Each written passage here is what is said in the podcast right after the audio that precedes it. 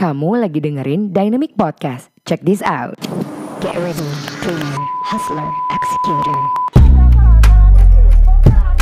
Thank you for listening to Dynamic Podcast. I'm your host Dayang Lati, founder dan juga CEO dari Dynamic Indonesia, sebuah marketing dan branding agency yang membantu para pengusaha, organisasi, hingga personality untuk berkomunikasi lebih baik agar bisa mencuri hati sehingga dapat melakukan transaksi dengan penuh percaya diri. Nah, sebentar lagi kamu akan mendengarkan cerita yang penuh kisi-kisi pelajaran dari seorang pemimpi menuju pejuang yang penuh dengan aksi. Agar segala keinginan gak hanya ke bawah mimpi. This is your Dynamic Podcast. Jangan ke bawah mimpi doang. Here we go.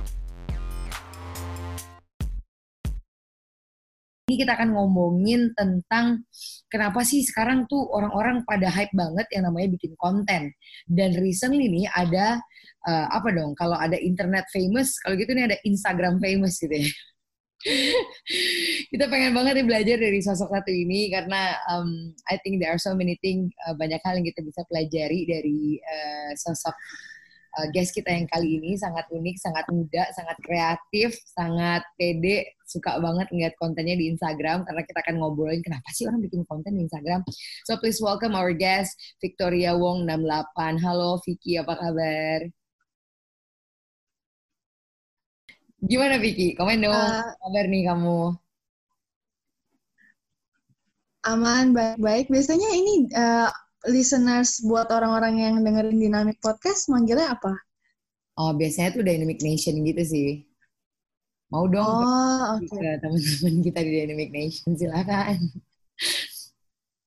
Halo, halo, salam kenal semua uh, listeners lah Dynamic Nation ya tadi. Salam kenal, aku Vicky dan thank you banget nih by the way dari Dynamic Podcast sudah ngundang juga buat ngisi di episode ini. Thank you Kak Dayang yang pembukaan intronya sudah sangat kece. hmm, Vicky sekarang nih lagi di mana Vicky? Lagi tinggal di mana dirimu? Uh, aku sekarang uh, domisili Jakarta, jadi sebenarnya dari dari kecil dari lahir nggak pernah pindah-pindah Jakarta total lah ya. Terus um, kalau sekarang kesibukannya uh, jadi konten kreator gitu. Hmm. Katanya baru lulus SMA ya Vicky ya? Iya benar. Jadi, iya, jadi memang um, bisa dibilang, uh, jadi aku mulai karir bisa dibilang itu umur 16. Jadi mulai mulai terjun ke dunia digital marketing dan konten lah ya, itu umur 16. Uh, sebelum itu kayak aku ada minat juga di bisnis, di hmm. hal-hal yang seputar bisnis, motivasi gitu-gitu lah ya. Tapi hmm. itu mulai sebenarnya dari SD kelas 6. SD kelas 5 atau SD kelas 6 gitu. Iya, jadi kemarin memang baru lulus juga, uh, bisa dibilang angkatan corona. corona graduation ya. oh, ya. Jadi jadi pada lulus juga dari rumah, kagak ada lempar-lempar topi ataupun ketemuan teman, tapi ya sudah apa-apa. Lebih produktif malahan kayaknya ya. Iya, ya. Jadi ya jadi memang memang belakangan ini lagi fokusin balik ke ngisi konten gitu. Dari SD udah pengen bikin konten, sekarang kamu masih belasan tahun ya berarti ya? Iya, uh, Oh benar. my gosh, by the way, happy graduation ya, even though it's quite late oh, gitu. Yeah. Thank you. Uh, anyway, uh, Vicky, kita nih uh, sebenarnya sempat uh, excited juga nih ngomong sama kamu. Kita sempat nge-highlight kamu salah, sebagai salah satu akun konten kreator Instagram yang harus di-follow di 2020 dan happy banget bisa ngobrol nih langsung sama orangnya. Karena banyak banget kayaknya akan kita pelajarin dari ya inilah ya orang-orang akhir-akhir ini tuh lagi happening banget nih jadi microblogger gitu istilahnya. Uh, terus habis itu ngupload konten Instagram lah yang okay. yeah. yang kayak gitu gitu. Kalau dari kamu sendiri gitu istilahnya, um, apa sih alasan kamu pengen bikin konten? Oke, okay. by the way ini ini aman kan ya suaranya jelaskan ya? Aman banget. Aman. Santai. Ya, aku. Jadi um, mungkin sedikit background story ya. Jadi uh, tadi kan ada sempat aku mention kalau sebenarnya minat minat mulai terjun ke bisnis itu dari kecil lah, dari SD kelas 5 kelas Hmm. 6 gitu. Hmm. Uh, se- sebenarnya dari situ tuh aku udah sering ngikutin uh, workshop, ngikutin seminar-seminar, Hmm. uh, tapi lebih masih lebih ke arah yang kayak motivasi gitu. Uh, ya, jadi kurang lebih gitu. Awal mulanya tuh aku juga terjun ke dunia yang seperti ini tuh dari uh, Miss Mary, Miss Mary Riana. Jadi waktu pertama kali tuh SD kelas 5 aku inget banget aku ikut seminar dia. Hmm. Um, bisa dibilang yang youngest juga kayak yang paling muda. Uh, dan waktu itu emang apa ya setelah ikut tuh kayak baru dari situ tuh benar-benar terbuka lah mindsetnya kayak oh ada loh dunia dunia seperti ini gitu loh di luar dari dunia sekolah. Jadi uh, ya jadi berangkat dari situ um, waktu aku SMP itu aku mulai kayak aku mulai jualan jadi mulai jualannya itu sekitar aku tuh sekitar uh, kebetulan aku tuh uh, aktif di komunitas. Jadi di komunitas bisnis ini tuh kayak sering banget ada event-event gitu. Hmm. dan di event-event ini tuh uh, mereka selalu butuh yang namanya poster gitu. Hmm. uh, poster flyer lah flyer online gitu untuk untuk disebarin. Nah dari situ aku uh, mulai sebenarnya aku mulai cari duit lah. Karena sebenarnya bisa dibilang aku nggak ada background seorang desainer. Cuman uh, waktu itu iseng-iseng kan coba bikin poster segala macam dan ternyata hasilnya menarik gitu loh. Padahal waktu itu free gitu. Aku kasih yang pertama free. Terus setelah itu jadi ada minat uh, makin bertambah. Jadi akhirnya ya udah aku waktu itu SMP senang banget uh, akhirnya bisa tahu nyari duitnya tuh dari dari apa ya duit jajannya itu dari ini bikinin poster buat orang-orang gitu intinya uh, ya jadi kurang lebih dari situ nah dari situ sebenarnya aku udah belajar yang namanya desain konten gitu Hmm. Eh, jadi ngedesain lah intinya. Iya, iya. Uh, meskipun ya memang memang belum kokoh banget lah ya aku nggak ada background seorang desainer juga gitu. Cuman ya dari situ aku dapat banyak pengalaman. Nah, semenjak dari itu uh, aku Ya. suaranya aman? Oke. Ya jadi aku mulai sering ikut juga workshop digital marketing Mm-mm. Uh, dan itu waktu itu aku umur 16 itu aku mulai mulai ikut tuh digital marketing. Dan aku tuh merasa waktu itu uh, yang bawain tuh uh, Denny Santoso oh Denny. Ah, Pak Denny. dan merasa kayak wah gila banget. Ada sesuatu yang di luar dari um, sesuatu yang di luar dari apa ya yang aku pahamin selama ini tuh bikin bisnis ya. Ya ya buka habis itu jualan gitu loh kayak aku nggak pernah mikirin go digitalnya segala macam Iya. dan itu waktu itu aku umur 16 jadi kayak istilah funnel, traffic segala macam itu totally new, baru semua ke aku dan uh, bisa dibilang aku cukup ya. cukup shock dan uh, kenapa? Umur 16 tahun kamu udah kayak, oh ternyata ada ini, ada traffic ketika orang-orang mungkin lagi sibuk sama BTS gitu kan. Sama EXO gitu kan. Nih orang malah ikutan seminar digital marketing gitu. Iya. bisa dibilang kayaknya waktu itu juga juga bisa dibilang em, apa ya karena kan tadi bermulanya kan dari awalnya aku bikin poster itulah gitu loh bikin poster buat acara-acara bisnis event-event bisnis Iya. gitu nah, habis itu ada satu event bisnis nih yang menarik gitu dan Hmm. nah, kebetulan papaku juga bilang kayak saranin join deh pasti kamu dapet insight baru gitu dan Hmm. akhirnya aku iseng-iseng join dan gila gitu. Kayak ini sesuatu yang baru dan menarik gitu buat aku. Hmm. cuman aku mau belajar cuman aku bingung kan mulai dari mana ya? Kayaknya cuma sekali ngikut event nggak cukup gitu. Iya. Nah, aku aku merasa kurang dapat lah ya. Dan akhirnya aku eh, coba belajar digital marketing di sa- kayak di salah satu programnya lah. Sebelum habis itu aku ikutin lagi workshop workshop digital marketingnya. Terus nggak berapa lama aku jadi timnya tim tim apa ya tim bagian dari lembaga yang nyediain workshop digital marketing inilah gitu Oh, Apa itu Dan waktu itu- Pak Denny Santoso juga? Iya, eh, jadi ya part of uh, Kodeni juga. Dan waktu itu kan eh, meskipun aku udah udah 17 waktu itu, cuman kayak waktu itu masih belum tahu eh, waktu masuk itu kayak aku mau di traffic, mau di funnel kah, mau di mana kah. Jadi itu masih masih rada bingung karena eh, jujur kayak aku masuk pengen belajar digital marketing, tapi ternyata di dalam digital marketing itu ada banyak sekali hal gitu loh, banyak Iya, sekali betul. bidang. Dan akhirnya uh, aku pindah ke sana kemari, aku belajar dari traffic, belajar dari funnel segala macam, sampai akhirnya uh, waktu itu tim konten lagi kurang orang. Hmm. Nah, Um, karena itu aku di- diceburin gitu, aku, aku Iya. nyebur ke tim konten. Uh, awalnya padahal nggak ada planning ke konten gitu. Mm-hmm. Tapi setelah aku nyebur ke sini, kenapa masa cocok aja dan aku Oke, okay, now it's good. Oke, okay. okay, tadi keputus gimana? Mm-hmm.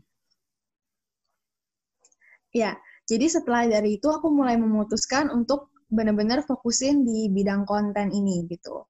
Hmm. Dan sekarang apalagi uh, makin ke sini ya aku lihat kenapa konten itu makin penting karena apalagi setelah pandemi ini kita semua tahu ya uh, go digital itu penting banget. Hmm. Mungkin kayak selama ini kita nggak sadar tapi Pak COVID-19 ini berhasil nyadarin aku rasa ya itu udah kayak kayak kita tuh dilempar gitu lah mau batu weh gitu loh. Hmm. Sadar go online saatnya gitu. Kenapa? Karena satu-satunya cara buat kita jangkau customer, jangkau orang itu adalah melalui konten. Jadi sekarang kalau dulu bisnis atau brand kalau mau mulai apa ya, kalau mau mulai bisnis itu tuh konten, kata-kata konten itu sendiri itu tuh nggak familiar gitu loh. Orang belum belum terlalu merasa itu penting lah ya itu. Kayak masih ngerasa apa sih konten ya upload produk aja, upload foto produk segala macam. Tapi hmm. sekarang kayak bisnis atau brand kalau mau nyampein pesannya ke market atau ke customernya, mereka harus melakukan itu lewat konten gitu loh. Jadi konten ini sekarang udah jadi jembatan jembatan pesan antara si bisnis atau brand kita ke market. Dan kalau sampai jembatan ini nggak ada, kontennya ini nggak ada, kita nggak bisa komunikasi ke market kita gitu. Dan hmm. bahkan konten ini sekarang itu jadi cerminan kita punya bisnis lah bisa dibilang. Dan hmm. cerminan dari kita punya brand. Jadi segitu pentingnya konten. Jadi aku yakin yang bisa sukses itu justru di era sekarang itu adalah yang paling kuat lah di bagian konten gitu. Mm-hmm. Gitu sih kalau dari aku.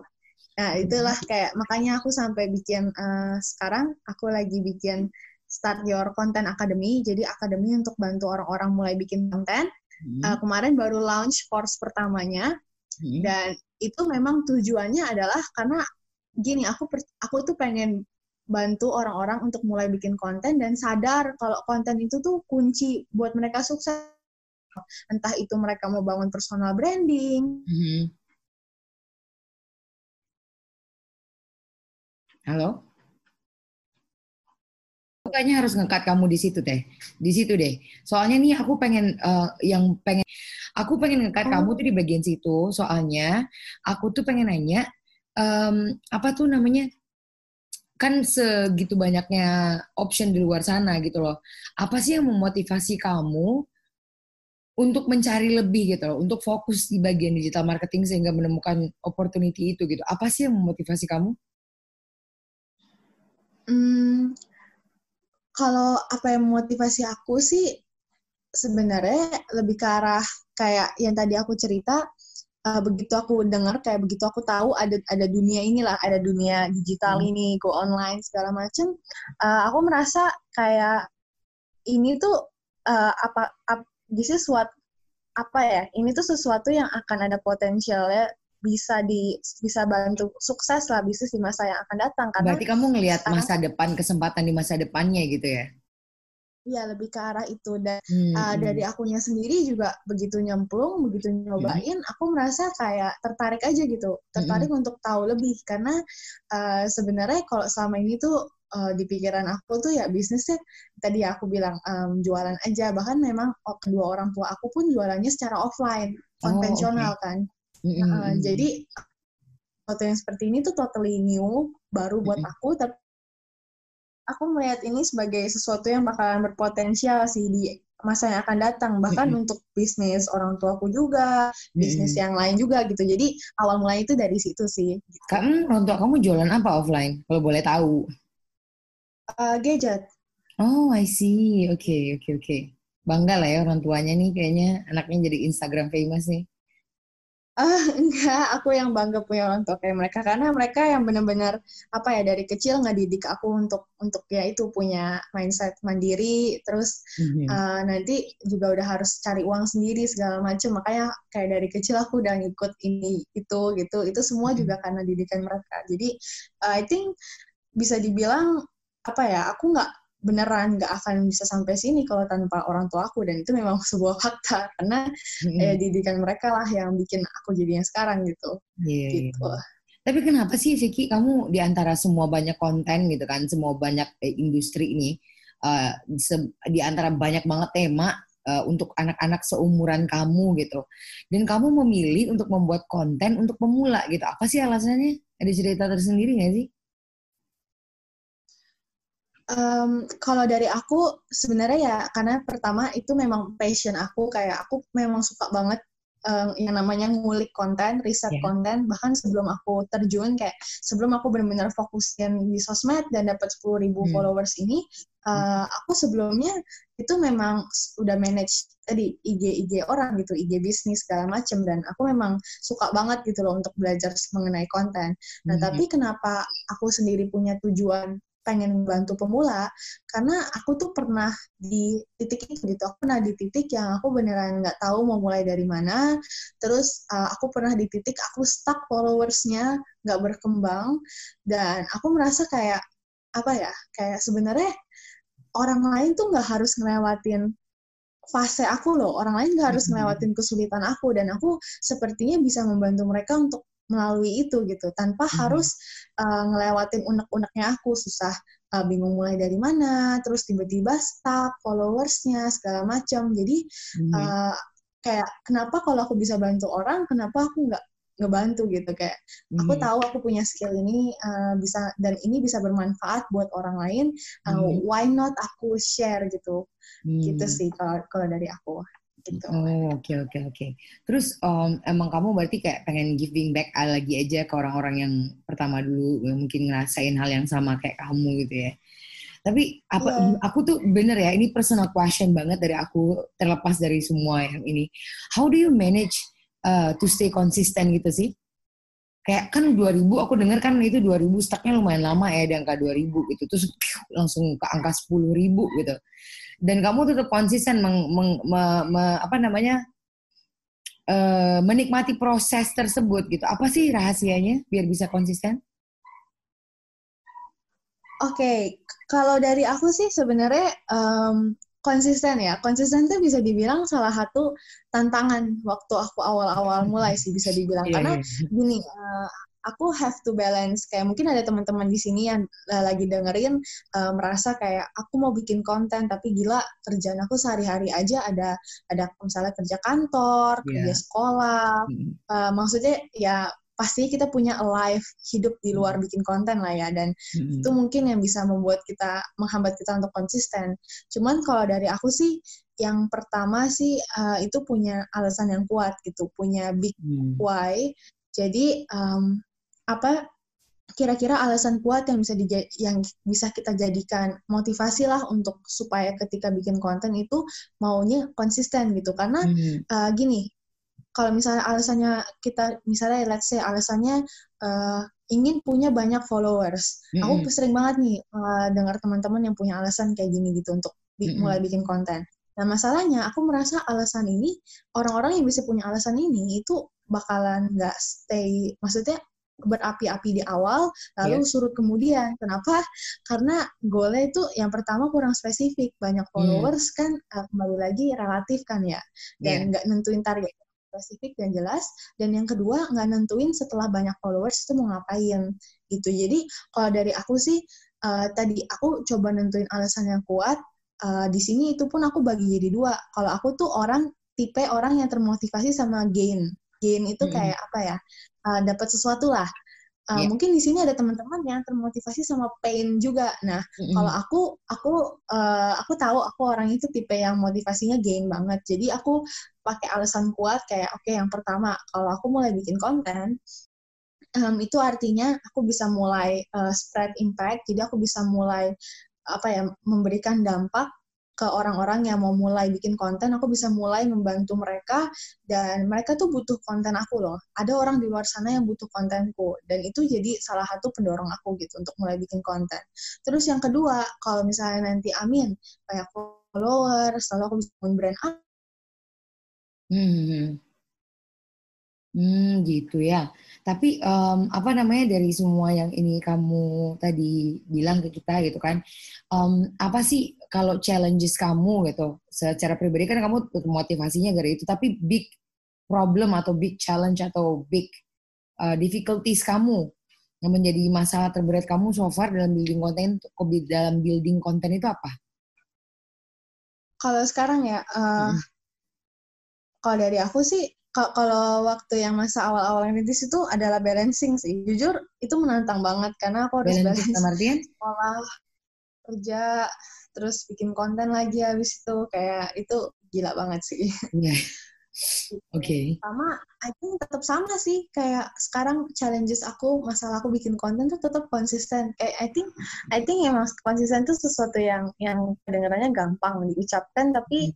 nanti kayak dalam proses bikin konten, nanti kan hmm. awal-awal selalu nih ada, ada selalu ada fasenya. Jadi awal-awal kita semangat, hmm. habis itu uh, habis semangat kan mulai ada pergerakan, habis itu tiba-tiba hmm. down karena uh, engagementnya mulai turun. Nah dari situ mulai deh hmm. ngedrop nggak yeah, konsisten. Yeah. Mm-hmm. Abis itu nanti abis dari ngedrop nggak konsisten ini kita mulai menemukan semangat lagi mm. naik lagi kayak aku nih sekarang kemarin sepuluh ribu. Yeah. Abis itu akan muncul lagi fase di mana uh, tiba-tiba terjadi sesuatu atau engagementnya turun atau apa tiba-tiba kita akan mulai nggak konsisten lagi nah hmm. ini apa yang sebenarnya terjadi sama aku sekarang gitu loh jadi setelah kemarin naik 10.000 followers ini uh, itu seperti sebuah bisa dibilang sebuah pencapaian yang gede ya kan tapi hmm. ternyata it comes with a price gitu loh ternyata hmm. entah kenapa uh, sekarang bisa dilihat um, begitu aku udah uh, berhasil mencapai pencapaian itu tanpa hmm. iklan dan dalam waktu yang cepat juga. Plus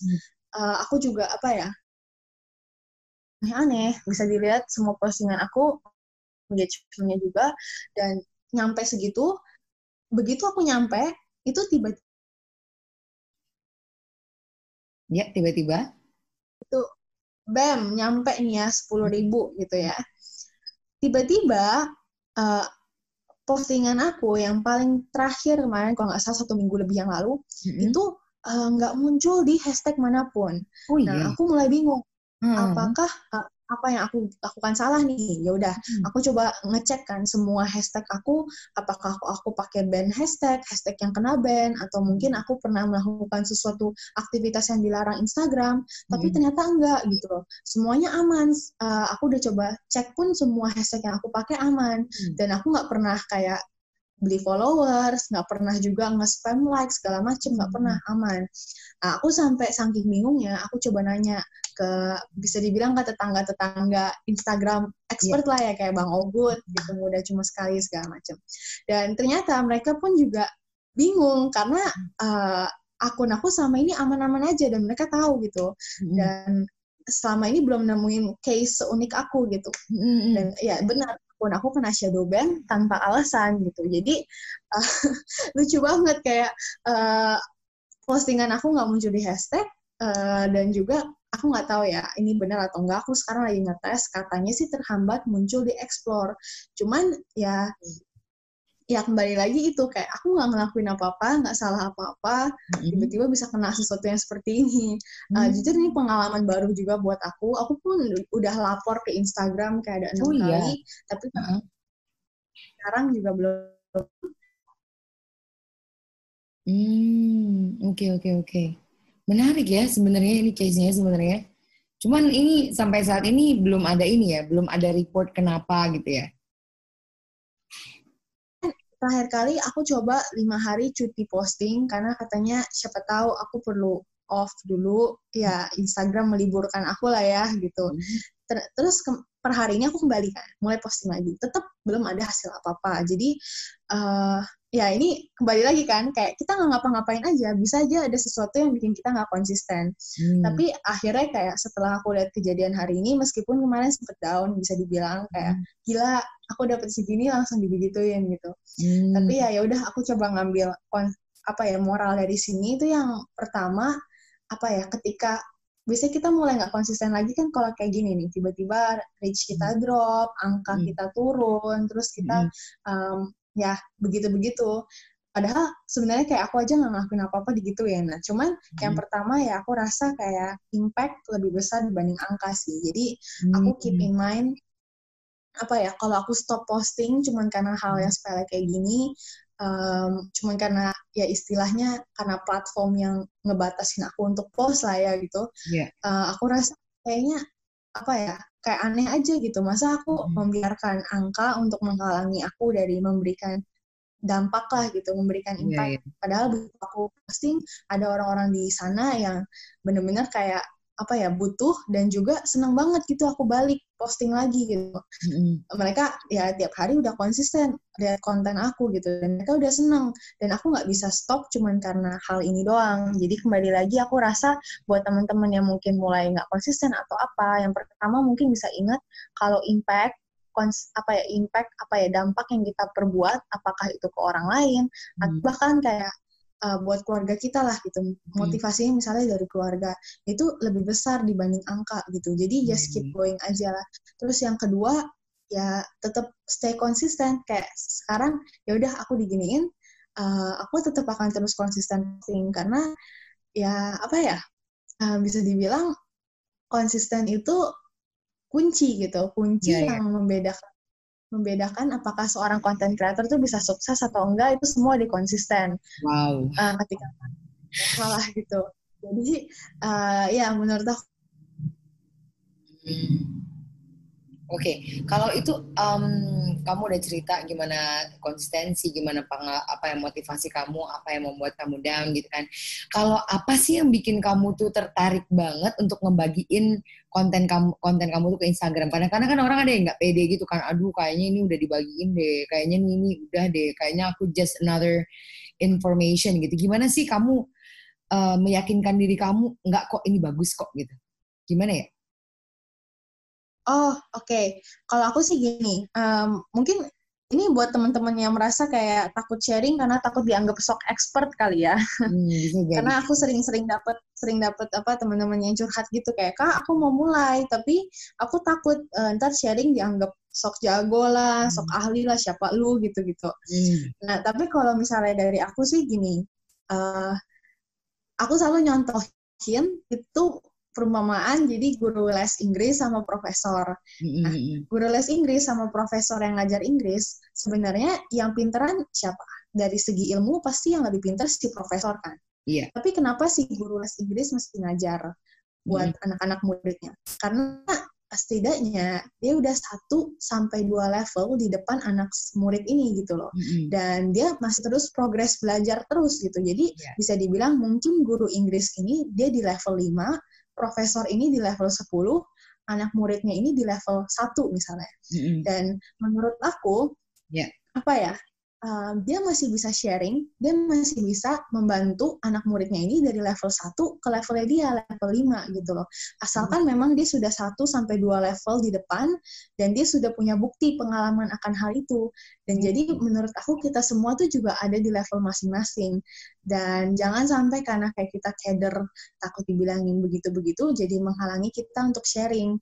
Karena ada orang-orang yang ada di level tadi, level 1 yang membutuhkan bantuan kita untuk mencapai ke level selanjutnya gitu. Yep, yep, yep. Jadi uh, dan nggak ada menurut aku nggak ada salahnya kalau kita sharing memang sesuatu yang kita udah sambil Iya, jadi jangan takut untuk sharing karena kita di level yang beda-beda ya. Mm-hmm. Dan ada orang yang tadi di level satu, di level yang di bawah butuh bantuan kita untuk naik level selanjutnya. Mm-hmm. Sambil kita sendiri juga menurut aku nggak ada salahnya gitu loh. Sambil sharing mm-hmm. juga kita sambil belajar buat naik level gitu.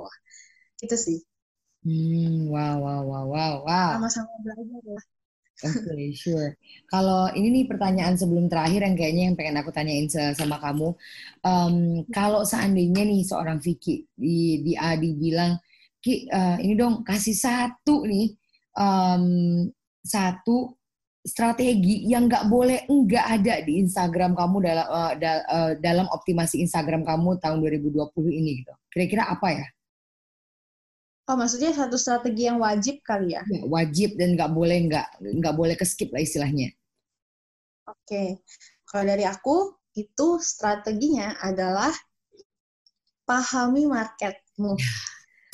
itu itu memang ini strategi yang paling aku bisa bilang ini strategi yang paling kuat dan paling bisa bikin kamu sukses. Kenapa? Karena gini loh, kita bikin konten itu sendiri aja, kita bukan bikin konten buat diri kita sendiri, tapi kita bikin konten buat orang lain. Hmm. Jadi harusnya fokus kita adalah ke orang lain yang akan menerima konten kita ini, yaitu tak lain lagi si target market kita, siapa hmm. market kita lah, siapa ke siapa kita mau bikin konten ini gitu. Dan kali kayak menjumpai kalau teman-teman mungkin mau kayak baru mau mulai bikin konten itu pasti mikirnya kayak gimana? Mana ya? Hmm. kontenku mau gimana ya jadi hmm. aku aku dan aku padahal harusnya yang harus di pikiran kita itu adalah kalau misalnya DP ku begini menarik market nggak ya hmm. kalau bioku begini menarik market nggak ya? Terus kalau isi kontenku begini bakalan menarik si target market nggak ya? Misalnya ibu-ibu gitu. Jadi harusnya yang di pikiran kita tuh market, bukan yeah. aku, aku dan aku gitu. Jadi hmm. kalau menurut aku ini strategi yang paling paling strong dan bahkan strategi inilah yang aku lakukan untuk bisa dapat ke 10.000 followers. Wow. Benar-benar memahami market aku dan memahami masalah mereka, hmm. pahami keinginan mereka juga dan pahami kebiasaan mereka. Dari situ tuh bakalan banyak dapat ide konten baru yang di mana kita bantu mereka tuh untuk menyelesaikan masalah mereka dan mencapai goal mereka gitu. Misalnya um, ibu-ibu goalnya mau masak gitu lah, mau pintar masak. Nah, terus masalahnya apa? Selama ini misalnya uh, terlalu banyak kerjaan, sibuk segala macam. Nah, kita tinggal bikin konten misalnya tips inilah uh, tips cepat memasak atau gimana caranya supaya dia bisa balance waktunya segala macam. Jadi tips-tips ini membantu si ibu untuk bisa tadi masak tanpa harus uh, menghabiskan banyak waktu gitu loh. Jadi hal-hal yang seperti ini kayak itu tadi perumpamaannya simple aja misalnya. Jadi menurut aku gitu sih, benar-benar pahami marketnya siapa gitu dan masalah mereka gitu. Mantap. Ini aku seneng banget ya kamu ngomongin kayak gitu karena aku juga salah seorang yang sangat pengen customer customer oriented, uh, customer centric, customer oriented karena yang kayak banyak banget kadang-kadang di dunia Instagram ini kita suka salah gimana ya? Suka salah target gitu ya yang kayak yang dari narsisism narsistiknya uh, kurang faedah gitu kan istilahnya.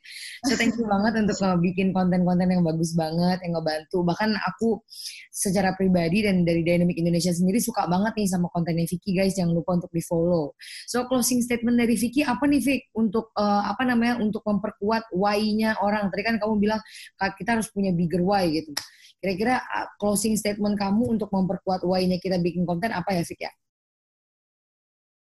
By the way, jangan lupa follow dan juga subscribe YouTube channel Dynamic ya, guys. Thank you, Vicky. Baik banget. Aku habis mau cek terus aku mau subscribe. Oke, okay, ya. Jadi kalau closing statement dari aku, um, buat teman-teman yang baru mau mulai bikin konten, mm-hmm. yang pertama itu tadi tentuin dulu alasan kuatnya tuh apa.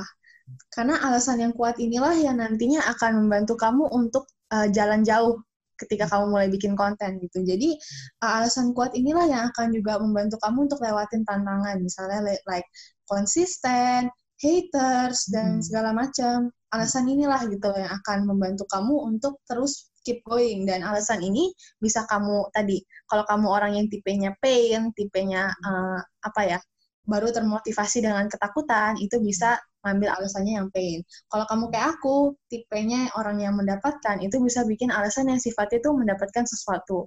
Tapi hmm. yang pasti usahain spesifik mungkin ya teman-teman. Jadi uh, tahu mau ke arah mana lah gitu loh goal kita gitu. Hmm. Dan yang kedua itu adalah kalau dari aku um, tadi mulai dari market dulu. Jadi hmm. pastiin buat teman-teman yang mau mulai di sini gini loh aku selalu bilang ketika kamu kayak sering kali ada satu kesalahan di pemula itu adalah ketika mereka tuh bilang kalau target mereka, market mereka tuh adalah semua orang. Hmm. Padahal ketika kita bikin konten untuk semua orang, kita hmm. sebenarnya tidak bikin konten untuk satu orang pun. Kenapa? Hmm. Karena itu sama aja kayak gini. Kita berharap orang nge-like, nge-save, nge-share hmm. postingan kita tanpa kita sendiri itu berusaha mengenali mereka gitu loh. Hmm. Jadi kita kayak ngirim surat tapi tanpa alamat hmm. Gitu loh. Dan wow. uh, bahayanya adalah jadinya orang tuh nggak engage, nggak interaksi, dia nggak merasa postingan kita mereka akan mulai merasa relate gitu sama postingan hmm. kita. Jadi begitu mereka lihat postingan kita, mereka dia tuh langsung kayak, wah ini aku banget, gila ini dia ngerti banget aku dan aku mau follow deh akun ini. Nah di situlah kunci kunci sukses lah bisa dibilang karena yang nentuin konten kamu tuh sukses atau enggak tuh bukan kita loh, tapi market Betul. orang yang bakalan konsumsi kontennya gitu. Jadi menurut aku yang kedua tadi market. Terus yang ketiga, yang terakhir adalah um, buat teman-teman yang mau mulai kan sering kali nih ada kendala nggak pede, terus kendala um, takut dinyinyirin, hmm. takut dibully, terus takut hater segala macam. Ini juga aku sering dengerin. Um, tapi kalau note dari aku sih ya, itu adalah coba fokus ke hal yang positif. Jadi gini, ketika teman-teman mulai, itu aku nggak akan bisa sweet talk di sini terus bilang kayak nggak bakalan ada haters, semuanya hmm. akan berjalan lancar, enggak.